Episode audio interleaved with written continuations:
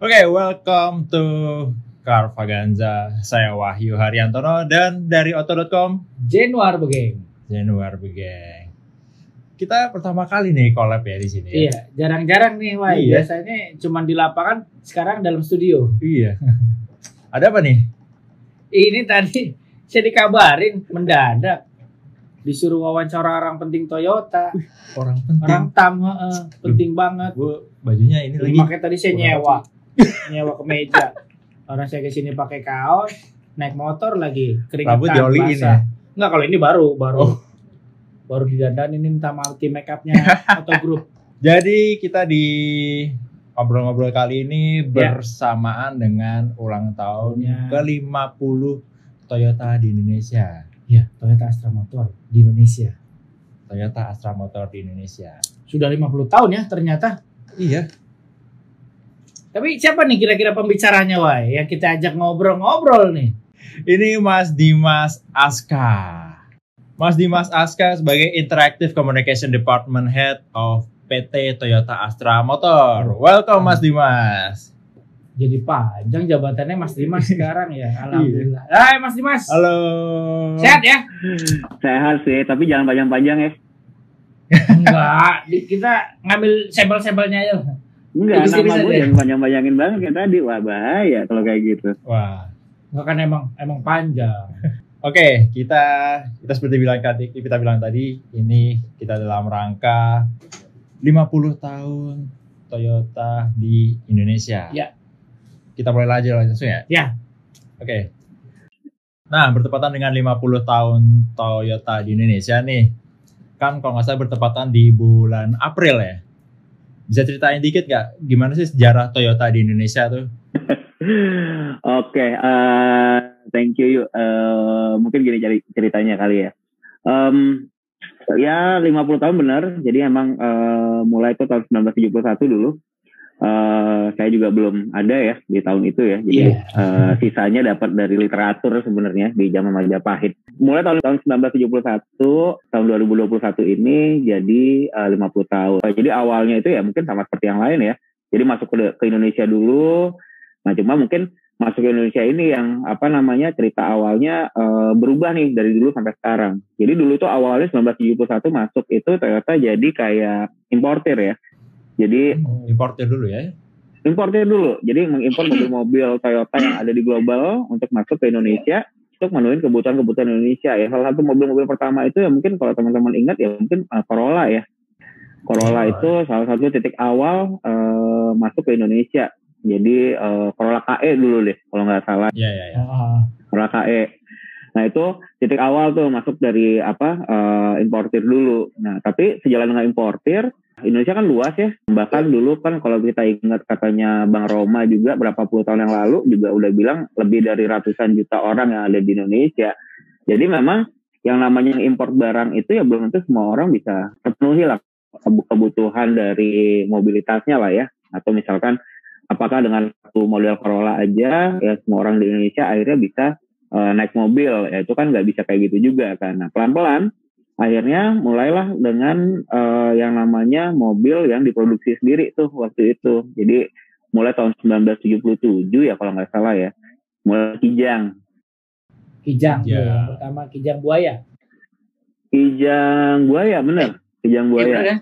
Ah benar-benar Kijang Buaya 1977 mulai bikin eh, Kijang eh, Ya. habis itu selain bikin Kijang eh, generasi satu generasi dua itu generasi ketiga bahkan 1980 88 itu mulai ekspor. Jadi awalnya kita cuma Indonesia itu cuma importir akhirnya bikin mobil sendiri Eh, sekarang kita sudah mulai dengan ekspor bahkan pelan-pelan sekarang jadi basis produksi. Jadi Indonesia ini adalah salah satu basis produksi dari eh, Toyota yang nggak cuma di kawasan Asia ya, bahkan eh, apa ya beberapa model yang kayak waktu apa beberapa model Toyota di Indonesia itu juga sampai ke beberapa negara lain kayak misalkan bahkan ke Afrika. Benua ya, benua. Amerika Selatan kalau nggak salah juga ya. Amerika Selatan. Betul, Amerika Selatan juga masuk. Jadi memang apa ya? Ya bisa dibilang perjalanannya perjalanannya Toyota itu dari apa ya? Dari ya kecil banget ya di Indonesia melewati berbagai macam kondisi akhirnya pelan-pelan ya izin bikin mobil, habis udah izin bikin mobil, izin ekspor juga, habis itu izin sekarang sebagai uh, basis produksi dan hari ini izin gue bisa cerita sama lo berdua. Ya, Mantap. udah di ACC berarti. Iya. Udah di ACC. Nah. Lumayan panjang sih perjalanannya, betul. Perjalanan cukup panjang. Sudah 50 tahun. 50 tahun. Emas, Sekarang- usia emas ya. Udah udah usia emas, usia emas. Makna 50 tahun bagi Toyota tuh apa menurut Mas Dimas? Oke, gini, mungkin bukan makna kali ya. 50 tahun itu kan gak gampang ya, tadi juga ceritanya Ya. lumayan panjang ya.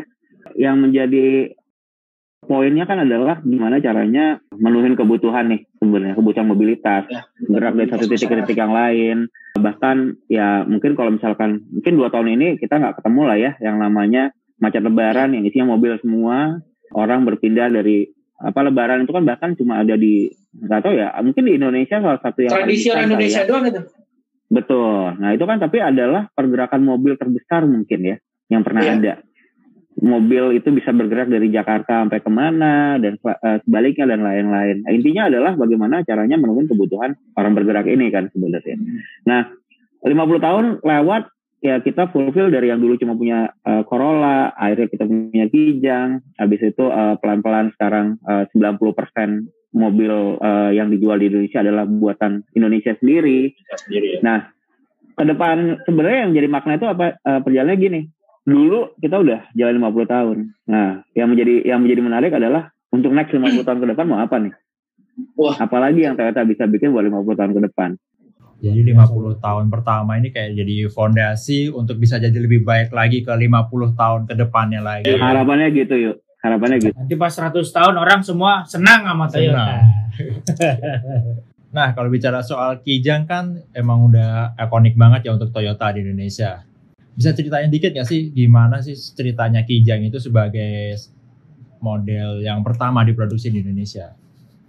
Oke, eh, menarik yuk. Jadi sebenarnya gini, Kijang itu sebenarnya nggak cuma model pertama yang eh, ada di Indonesia, tapi sebenarnya identitas Toyota Indonesia itu salah satu besarnya diwakili oleh Kijang. Di Kijang. Kijang itu mewakili banget eh, identitas eh, Toyota di Indonesia. Sebenarnya bukan identitas Toyota, oh Kijang itu mobil keluarga Indonesia, nggak nggak itu aja sebenarnya. Tapi sebenarnya perjalanan Toyota dari dulu sampai sekarang itu sebenarnya terwakili oleh Kijang salah satunya. Jadi ya balik kayak tadi awalnya kita nggak punya nih mobil yang benar- benar-benar khusus buat orang Indonesia, Iya. yang benar-benar khusus untuk kebutuhan orang Indonesia.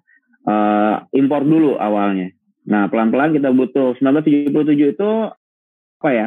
Itu adalah era era pembangunan kan ya. Kita baru apa namanya eh mulai masuk ke mulai membangun negara dan lain-lain dan di saat itu memang bisa dibilang eh, mobil yang paling dibutuhkan atau transportasi yang paling dibutuhkan itu adalah transportasi untuk komersial, untuk ngebangun negara, kemudian untuk ngebangun kota dan lain-lain. Nah makanya Kijang muncul. Dan Kijang pertama yang muncul di Indonesia itu adalah eh, Kijang yang eh, apa ya istilahnya ya Pick up. Pickup. pickup, benar. Jadi tujuan utama Kijang itu adalah ya untuk ngebantu industri Pembangunan tadi. pembangunan, betul.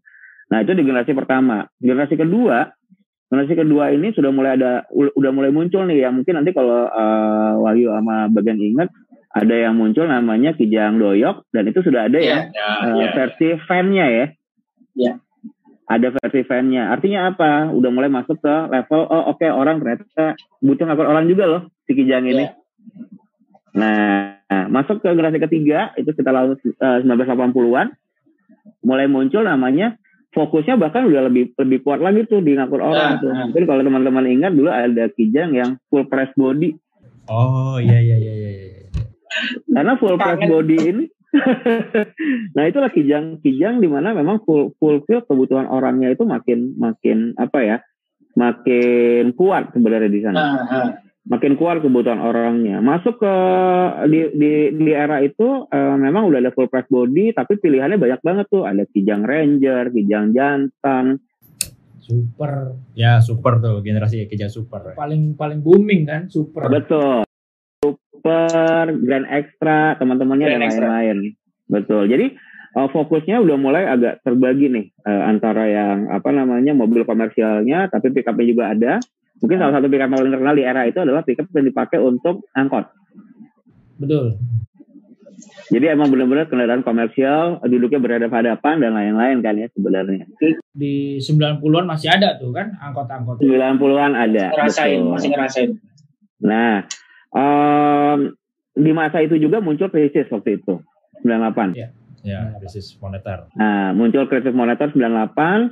Akhirnya eh, apa di- bersamaan dengan waktu itu kita lagi mau pindah ke generasi keempat tuh. Kalau mis- misalkan teman-teman ingat ya kapsul. Kapsul. kapsul. nah, kijang kapsul ini eh, makin fokus lagi. Jadi eh, apa namanya si mobil komersial masih ada, tapi di saat itu udah mulai kijang kapsul ini tuh benar-benar eh, apa ya? eh, mungkin kalau teman-teman ingat sekarang itu kita punya yang namanya Venturer ya. Nah, cikal bakalnya Ya. dari situ sih dulu. Dari situ. Kita. Ini Kijang Krista kalau nggak salah dulu ya. Krista, Betul. Krista. Krista itu mewah-mewahannya Kijang dulu. Betul. Gue LGX ngerasainnya LGX. LGX. Iya, tapi di momen itu tuh sebenarnya ada SGX yang short wheelbase, ada Iya. yang LGX yang long wheelbase, LGX. habis itu ada eh, Kijang Krista, ada Kijang Rangga. Nah, itu adalah eh, mulai Yang ada kondenya ya. betul sekali. Mulai mulai fokus banget tuh di eh, kendaraan untuk penumpang. Nah, habis itu masuk ke Innova nih. Nah, baru Nah, lahir Innova itu. tuh. Nah, di Innova tuh udah berubah tuh. Mobil pickupnya udah nggak ada. Udah bukan ada. Kijang lagi ya pickupnya. Jadi mobil pickupnya nggak ada, tinggal Kijang Innova aja. Naik kelas ya Kijangnya. Eh, naik kelas waktu itu dibilang naik kelas bisa bilang naik kelas tapi sebenarnya eh, poinnya bukan naik kelas sih sebenarnya Mas Wahyu. Hmm. Orangnya berubah, Kebutuhannya berubah. kebutuhannya yang berubah. Eh, Mas, lanjut. Tuh. Eh, Lanjut boleh. Bagaimana eh, Toyota Indonesia melihat pasar di sini setelah 50 tahun? Eh, satu hal yang nggak pernah berubah adalah kebutuhan eh, untuk bergerak dari satu titik ke titik yang lain. Bahkan Indonesia ya tadi seperti bagian bagian bilang ya, em, kita punya mudik itu sebuah Ya, budaya yang mungkin ada di negara lain, tradisi yang sangat-sangat eh, besar lah sebenarnya. Nah tapi eh, ada juga yang berubah. Ya Hmm, mungkin kalau ya, zaman dulu eh, nggak tahu ya kakek buyut kita kali ya, namanya beli mobil ya cuma ya bilang cuma cash kan. Iya. Ya kalau nggak ada kalau nggak ada mobilnya pinjam tetangga, gampangnya gitu aja. Berjalannya waktu kan kebutuhannya berubah, orang pengen lebih mudah. Oh ada pilihan-pilihan muncul, ada sih eh, kredit misalkan begitu, Hmm. ya kan. Mulai muncul eh, apa eh, perusahaan rental. Ya mungkin kalau misalkan kita tahu lima, lima tahun sekarang bahkan sudah muncul muncul namanya itu yang ride hailing kayak misalkan Ya. eh, apa namanya eh, sharing car dan lain-lain. Tapi basicnya kan tetap satu, tetap berpindah dari tempat satu ke tempat yang lain sebenarnya. Cuma memang kompleksitasnya makin besar sebenarnya sih. Iya. Kompleksitasnya makin besar, orang pengen lebih mudah. Bahkan eh, makanya Toyota di tahun 2020 mulai kalau nggak salah waktu itu dengan yang namanya Virtual Expo, harapan cuma satu kok. Kalau dulu orang harus datang ke dealer, lihat bla bla bla segala macam, sekarang tinggal klik mobil sampai rumah. Tapi intinya Mobil sampai tetap tetap mobil sampai rumah. Oke, mulai klik, nanti mobil sampai rumah. Oke, kita sekarang beda topik nih. Di Indonesia kan sekarang udah mulai apa ya kayak berkembang pasar kendaraan elektrifikasi Ah, ya. Nah untuk di Toyota nih gimana sih ngelihat segmen elektrifikasi? Apa sih maksud elektrifikasi dari kacamata Toyota? Kalau kita ngomong elektrifikasi dari Toyota ya sebenarnya. Nomor satu itu adalah tetap di mana pun juga elektrifik- elektrifikasi itu adalah salah satu poin di mana eh, kita tetap yang namanya balik ya otomotif pindah dari satu titik ke titik yang lain kan sebenarnya. Itu basic banget lah sebenarnya. Nah cuma kan elektrifikasi ini kan harusnya bisa ngebantu banyak. Jadi ngebantu dari sisi eh, apa namanya eh, environment yang lebih baik. Habis itu penggunaan bahan bakar fosil yang mungkin Ya. lebih sedikit dan lain-lain sebenarnya. Nah cuma kalau di Toyota sendiri melihatnya gini, elektrifikasi itu seperti apa sih sebenarnya? Ya, elektrifikasi itu adalah eh, pilihan sebenarnya bukan pilihan, option yang memang harus diberikan untuk eh, teman-teman yang pengen udah pengen ke arah sana sebenarnya. Jadi kalau di Toyota sendiri, mungkin Toyota Indonesia ya, kita starting bawa kendaraan elektrifikasi itu tahun 2009. Artinya sekarang udah berapa tuh? Masuk ke tahun ke-12 berarti. Iya. Masuk tahun ke-12, eh, 2009 pertama kali kita bawa hybrid itu dulu eh, Prius. Nah jadi eh, Prius sendiri itu kan memang em, pertama kali ada di Toyota line up itu di global tahun 1997. Prius mulai juga di Indonesia eh, 2009 waktu itu eh, generasi ketiga.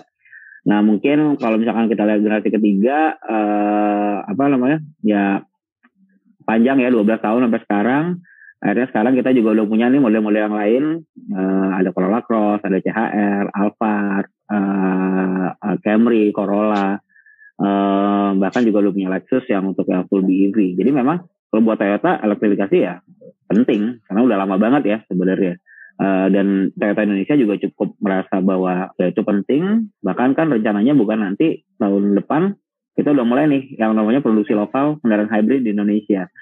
Jadi balik lagi kayak dulu eh, awalnya impor pelan-pelan jadi bikin sendiri yang ke depannya seperti apa walau alam ya sebenarnya tapi Bismillah aja. perjalanan itu akan Bismillah aja. Nah benar. Jadi perjalanan itu akan kita rencananya akan kita ulang lagi lah. Sebenarnya untuk elektrifikasi Wah. untuk menggambarin bahwa itu penting. Ya, jadi nanti saya ngerasain tuh dari zamannya konvensional, hybrid, listrik, pakai mobil Toyota. asik asik Melihat perkembangan setelah beberapa tahun Toyota di Indonesia memasarkan mulai dari mobil hybrid sampai sekarang udah ada yang full elektrik. Animo publik atau pasarnya itu gimana sih terhadap mobil-mobil elektrifikasi ini? dulu itu ya 2009 ya itu tuh kita cuma jualan dua unit per bulan asli jualan dua unit per bulan Saya merasakan kesedihan itu. masuk ke tahun 2015 waktu itu udah punya mulai punya berapa pilihan tuh mulai masuk Camry, uh, Alphard, Hmm, ada Time, Apart. ya kita mulai ada ada peningkatan tuh 15 unit per bulan. Nah pelan-pelan eh, lebarin lagi sampai ke apa namanya ada Corolla Cross, ada Corolla Cross. CHR. Sekarang itu kita ada di tahun 2020 kemarin itu 86 unit per bulan. Jadi total itu kita udah jualan mungkin Toyota di Indonesia itu sekitar 4.300 unit ya selama 4.000. Kendaraan hybrid. kendaraan semua. Oh, elektrik dan hybrid ya. Ya, elektrik yang hybrid semuanya itu sekitar 4.300 unit ya. Harapannya ke depan akan makin banyak ya. Karena kan kalau nggak salah eh, pemerintah Indonesia pengennya kan sekitar 25 sampai 30 persen yang dijual tiap tahun itu adalah kendaraan elektrifikasi. Ya harapan kita menuju ke sana lah ke depannya sih.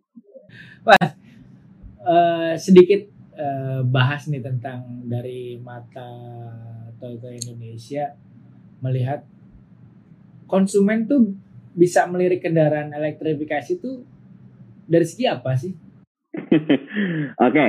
Eh, basicnya adalah ya otomatis ya untuk beberapa segmen mungkin lebih kepada memang sudah aware ya terhadap yang Hmm. eh, apa pelestarian lingkungan, habis itu juga terhadap beri teknologi, emisi gas buang lebih rendah dan lain-lain. Tapi ya balik lagi tadi ke depannya sih sebenarnya. Eh, Mobil mana atau mobil elektrifikasi mana yang benar-benar bisa memenuhi kebutuhan untuk bergerak tadi Ya. sebenarnya. Nah memang eh, apa ya tak kenal maka tak sayang kan sebenarnya Ya, betul. akibatnya ya itu dari dulu sampai sekarang itu kita punya dua apa ya punya dua target lah terkait elektrifikasi ini. Yang pertama itu adalah popularisasi, artinya orang harus ngerti dulu. Ya. Yang kedua itu adalah ya kita perbanyak pilihannya biar tadi eh, bisa kebutuhannya semua orang bisa dapat sebenarnya. Jadi kalau ditanya apa sih yang bikin makin tertarik? Ya dua hal itu. Perjalanan panjang kok menuju membuat orang ngerti bahkan nggak berarti tahun nggak berarti di situ juga tahun 2021 ini kan kita bikin tuh di Bali yang namanya Smart EV uh, Mobility itu itu adalah salah satu poin di mana kita pengen ya orang tanpa harus beli tapi harus bisa ngerti dulu nih biasa Ya, dulu. lo paham dulu nih, ada edukasinya. betul karena ada perubahan di apa ya ada perubahan kebiasaan atau habit lah. Ke mobil elektrifikasi atau apalagi full elektrik ya. Lihat Thor terpaksa buka tangki dulu nih karena si apa si indikator mati.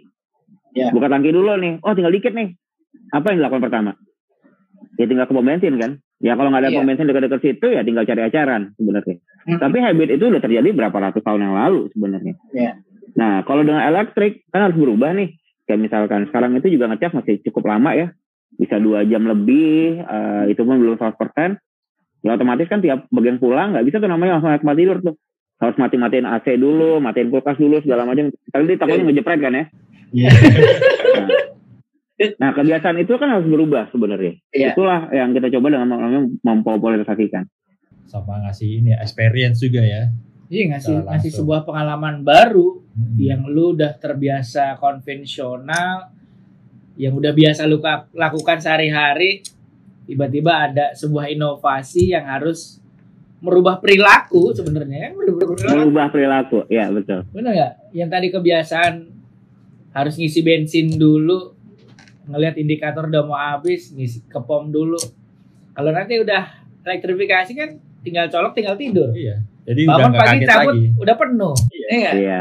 Problemnya Kayak kalau lupa handphone. kan abis itu nggak bisa dipakai. itu yang harus itu salah satu bentuk eh, kebiasaannya itu nggak boleh lupa berarti nggak boleh tuh Nggak pulang eh, naik tempat tidur cuci kaki nggak bisa matiin dulu Nggak semuanya Hati dulu semua. bener, bener. Logis, logis, logis.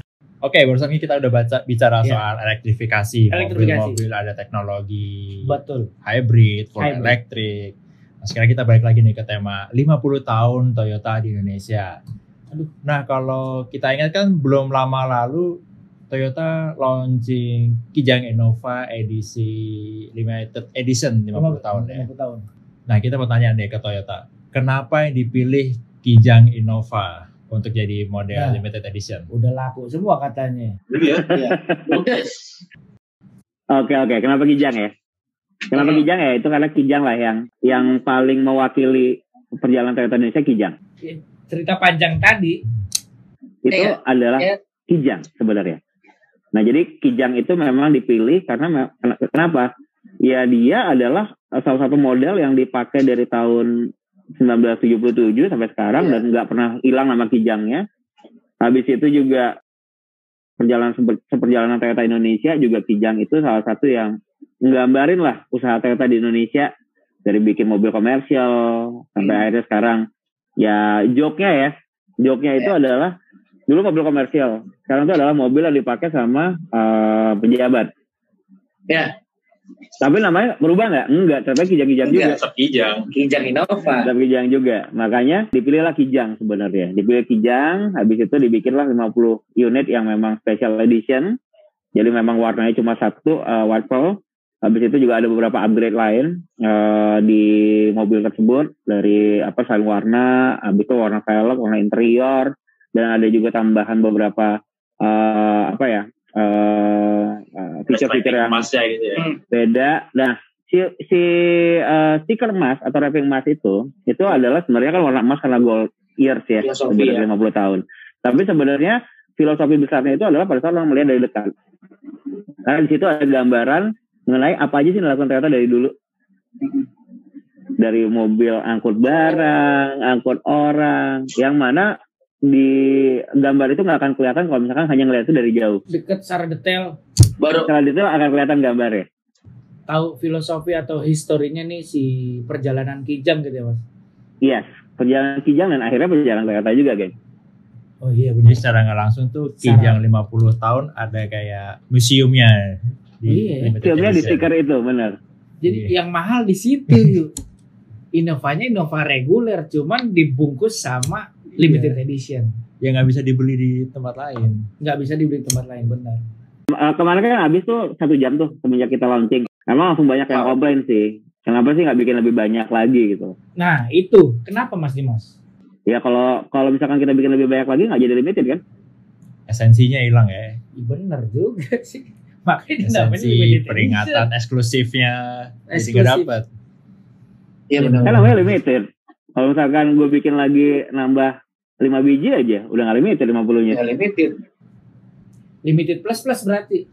Ada ditambahin lagi. iya. Ntar tahun depannya muncul lagi limited apa? eh, limited generasi kedua. Ya plus plus plus plus plus. Nggak bah. Nggak asik jadi nggak asik. Udah paling benar sih memang. Jadi emang 50 ya biar orang-orang yang dapat ya ya orang-orang yang apa ya bisa dibilang eh beruntung lah. kalau dibilang latar belakangnya mungkin ya ini asumsi gue nih mas Eh, eh, kon- yang konsumen yang beli Innova edisi 50 tahun tuh dia kayak punya histori sendiri sama mobil Kijang. Dulu mungkin kakeknya ya kan dari bapaknya pernah punya kijang segala macem terus nongol lah yang limited edition gue mesti beli.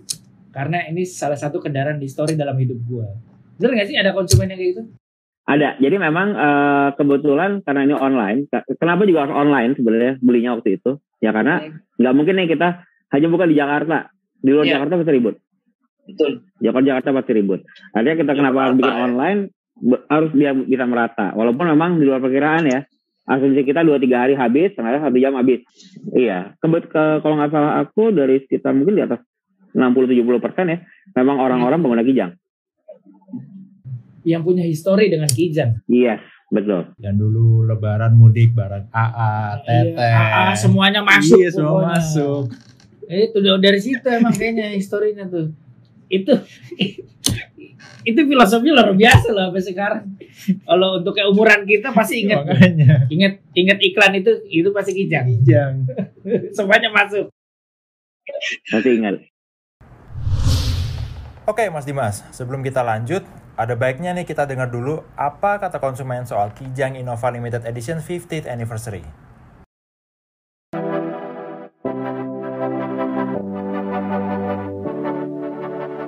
Ya, pastinya saya rasa tiap orang pasti senang banget ya menjadi 50 eh, terpilih ya untuk memiliki Kijang Innova Limited ini.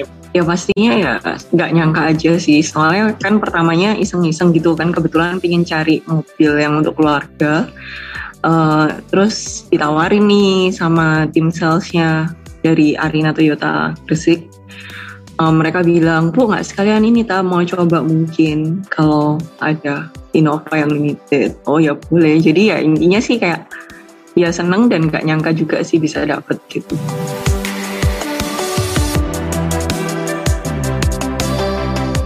Wah, sudah saya incar. ya, niat saya itu memang saya mau beli eh, mau ganti mobil. Mobil saya sebelumnya Veloz. Jadi kebetulan lagi cari di jam Innova uh, terus kebetulan ditawarin sama salesnya mau coba nggak bu uh, Innova yang limited ini cuman ya mereka nggak bisa janji karena kan memang limited kalau mau ibu coba aja nah terus waktu coba eh kok ya dapet kayak gitu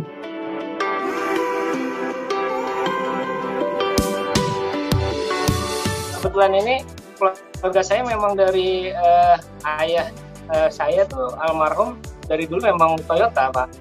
Ya, jadi kata ayah saya udah kalau mau eh, punya mobil atau beli mobil yang tangguh, yang irit, yang awet, yang tahan banting Toyota aja. Gitu. Ayah saya mulai dari punya LGX, kemudian saya dibeli, eh, beli SGX waktu itu sampai awet, kemudian SGX saya saya jual, saya ganti dengan Veloz. Veloz 9 tahun saya awet. Sampai sekarang sebenarnya sayang diganti. Kemudian saya mau ganti Toyota lagi. Pas saya mau lihat list Toyota ternyata ada limited edition itu yang saya mau incar. Oh, pasti ya, kayaknya hampir semua juga, hampir semua orang yang punya mobil pasti pernah coba Toyota ya. Jadi memang kita kebetulan keluarga sih.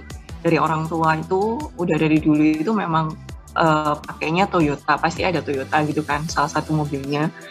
Nah, terus kalau misalnya Innova sih, ya sejak awal Innova pertama kali keluar sih kita udah ada waktu itu.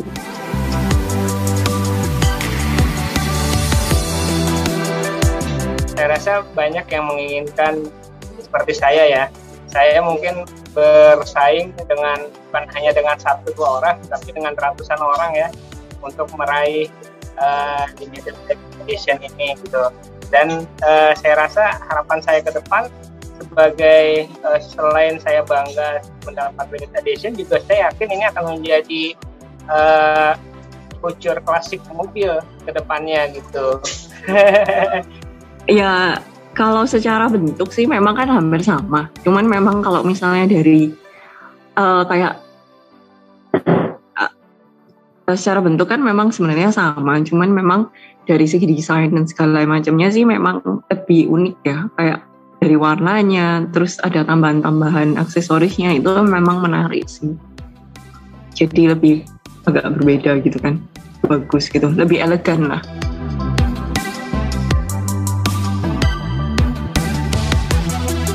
pertama saya ingin mengucapkan terima kasih ya kepada Toyota eh, sudah menjadi bagian dari eh, keluarga saya ya eh, dalam hal transportasi ini sehingga saya bisa eh, membuat apa suatu memori lah atau kenangan lah eh, bersama keluarga yang ditemani oleh Toyota gitu ya.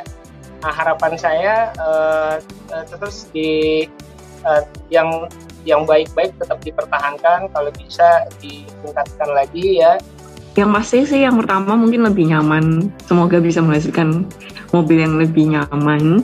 Terus lebih hemat itu pastinya dari segi harga maupun dari perawatan ataupun dari segi apa ya? Ya dari segi harga pembelian, perawatan, terus pemakaian itu juga bisa lebih hemat ya bahan bakarnya mungkin kayak gitu. Nah, ini kita tadi ngomongin elektrifikasi udah terus ngomongin 50 tahun terus Hmm. eh, produksinya si Produksi, ya. Innova. Nah, ini yang mau digaungkan waktu tahun 2018 itu Toyota menengok mobility solution. Apa sih yang dimaksud? Itu Mas Mas.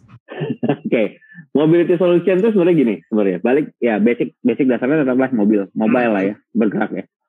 Nah cuma kan tadi uh, udah mulai muncul yang namanya uh, kebutuhan-kebutuhan yang berbeda kan sebenarnya. Uh, ya dulu orang beli, habis itu orang kredit, muncul namanya nyewa kan ya, Ya, nyewa. nyewa gitu ya. Eh kalau kita balik lagi keluar sedikit dari situ, eh zaman dulu banget orang nonton itu ya mau nggak mau ya cuma either dia beli DVD, ya kan zaman dulu banget ya karena Dari zaman dulu kan cuma cuma Masih laser disc satu- ini, satu- laser disc. laser disc bahkan sebenarnya. Nah pelan-pelan kan sekarang eh, kalau kita nonton kan udah mulai pindah ke yang berbayar tuh, Mm-mm. Langganan. yang berlangganan segala macam. Nah mobil pun gitu sebenarnya. Jadi yang dinamakan mobility solution itu sebenarnya adalah gini. Gimana caranya kita tetap, tetap bisa menjadi solusi untuk orang bergerak, tapi dengan kondisi yang berbeda dari masa ke masa sebenarnya.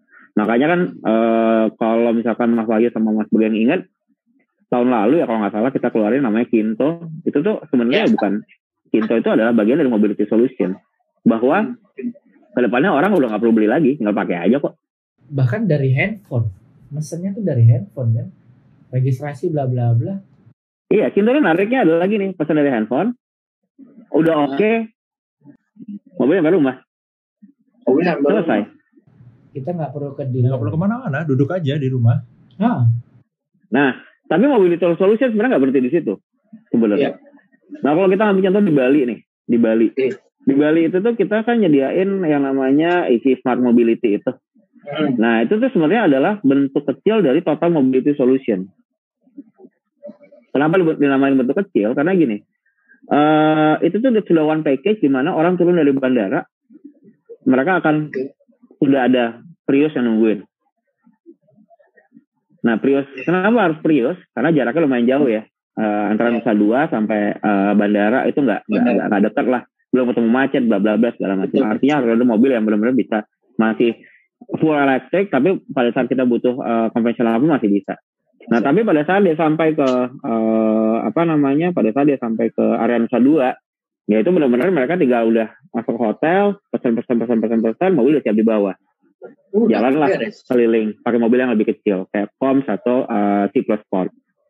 Nah, eh, selesai dari sana, eh, ternyata oh, gue pengen ke Ubud misalkan. Oke, udah ada mobil eh, apa namanya eh, Prius ready di situ. Tinggal pakai, pulang lagi, mobil taruh di hotel, nanti diambil sama orangnya.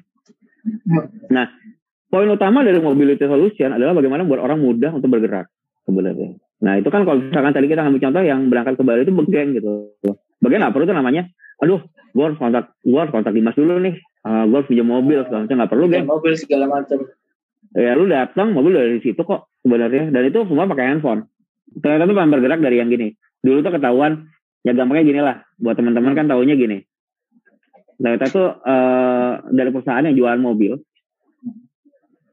akhirnya nanti ke depannya akan berubah menjadi perusahaan yang menyiapkan mobilitas itu sendiri. Oke, oke. Oke, makasih teman-teman. eh belum belum belum belum. belum nggak maksud gue gue Lu lagi masih mencerna, gitu. lu masih mencerna ya, Nah. gimana ya? Eh, ya semua dimudahkan ya bener tagline tagline mudah Iya. nggak bikin lu puyeng semua udah semua udah ada di sini di dalam Hmm. genggaman Semangatnya Udah itu. cocok belum semangatnya jadi bintang iklan. Asik. Siap, nanti gue kontak ya. ya masuk lagi placement Hihi. Eh, tapi ada lagi contoh nih, contoh. Contoh ada lagi ya. Kenapa namanya dinamain mobility solution? Makanya kan mulai sekarang tuh ada juga lagi nih. Eh beli mobil udah udah udah dengan paket eh biaya jasa sama partnya. Ya tujuannya sebenarnya sama. Itu adalah bagian dari mobility solution. Jadi tinggal pakai bayar bensin. Pak ya, gue cuma beli bensin doang kan istilahnya Nah itu yang gue belum bisa kasih sama lu tuh, nyediain bensinnya. Kalau gue udah Gak bisa, mungkin jadi Kalau itu mobility solution masih lagi. bisa masih bisa cuman kan yang yang hmm, tadi dibilang bahwa eh, asuransi sudah ya mas Dimas Dah, sudah diurusin kan istilahnya yes. terus eh, pergantian part service Udah ada semua. sudah diurusin juga dong Iya. ya pokoknya itu mobil datang ke rumah tinggal gue isi bensin Tinggal gue pergi dari aja. titik A ke titik B Iya. Udah. Nah, dengan adanya mobility solution ini, apakah nantinya Toyota akan meninggal, meninggalkan core bisnisnya? Hmm, menarik yuk. Sebenarnya gini, eh core bisnisnya Toyota itu kan sebenarnya nyiap- nyiapin mobilnya ya, jualan mobilnya sebenarnya. Nah, tapi balik lagi yuk sebenarnya. Em, mobility solution ini tidak akan pernah bisa langgeng, tidak akan pernah bisa mulus kalau kita tidak bisa menyediakan mobilnya. Nah itu tetap akan jadi core bisnis yang utama sebenarnya. Bagaimana kita menyediakan mobil yang benar-benar cocok buat orang Indonesia, sehingga eh, apa ya, kalaupun kita mau jadikan itu mobility solution, ya orang tetap bisa menikmatinya sebenarnya.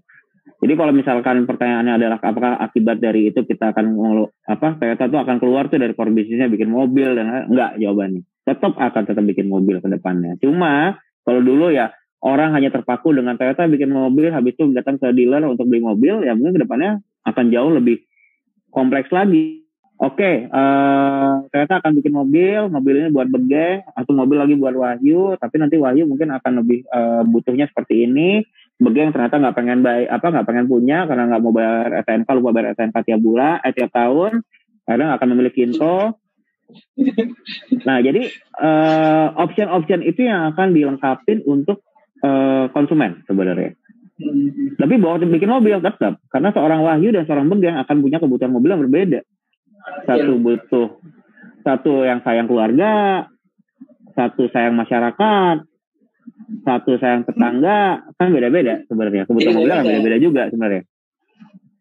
Gitu. Jadi ke- kebutuhan nyiapin mobil yang cocok buat masyarakat tetap akan jadi utamanya. Cuma ya lebih dari itu akan disiapin option-option lainnya untuk mempermudah orang yang moving tadi. Kinto itu tuh eh, ya benar-benar tadi kan ngeklik mobil datang ke rumah. Ya. Bahkan kalau misalkan ya Allah alam ya tiba-tiba mobilnya keserempet gitu ya, ya nggak perlu lu juga ngurusin. Itu, itu udah ada udah ada yang ngurusin gitu Sudah ada yang ngurusin. Bahkan STNK nggak atas nama lu. Jadi nggak perlu tuh namanya ada yang namanya seorang geng Januar lupa bayar eh Pajak. apa namanya eh, Pajak STNK tiap tahun kagak Iya. ada. Lu nggak usah semua udah ready. Nah yang pro- problem ada lagi nih. Ke, biasanya 2-3 tahun lu pengen ganti mobil. bener Hmm. Ya kalau itu kan karena karena bukan punya lo ya tinggal lu balikin aja. udah masalah sesimpel itu Sesimpel itu. semua udah dipaketin Iya. Mobil diantar. Kalau misalnya mau diservis, jemput. Ada mobil pengganti kalau nggak salah ya. Ada, ada, betul. Eh, tapi ada ketentuannya nggak sih Mas Dimas? Sorry, eh, gua katakanlah bikin ikut eh, prosedur kinto segala macam. Mm-mm, mm-mm. Apakah ada ketentuan gua pakai mobil ini jaraknya harus 10.000 km? Habis itu mobil udah dipulangin. Jadi ya gini. eh semua paket berbeda-beda lah intinya. Oke. Itu itu ada ada macam-macam. Eh, kenapa? Hmm. Karena gini. ya misalkan Begeng eh, ada Kinto, Wahyu ada Kinto gitu ya. Punya Kinto masing-masing tapi ternyata yang satu lebih suka bahkan sampai keluar kota pun pakai itu sementara Begeng misalkan karena ada istri kedua eh satu lagi buat istri kedua misalkan eh, ya gampangnya mobilnya mungkin ya cuma dipakai untuk yang ini itu contoh ya tapi kalau ada ketiga, Contoh, ngomong. contoh. Iya, contoh. Nah, Nggak apa-apa. itu contoh. Istri gua nonton.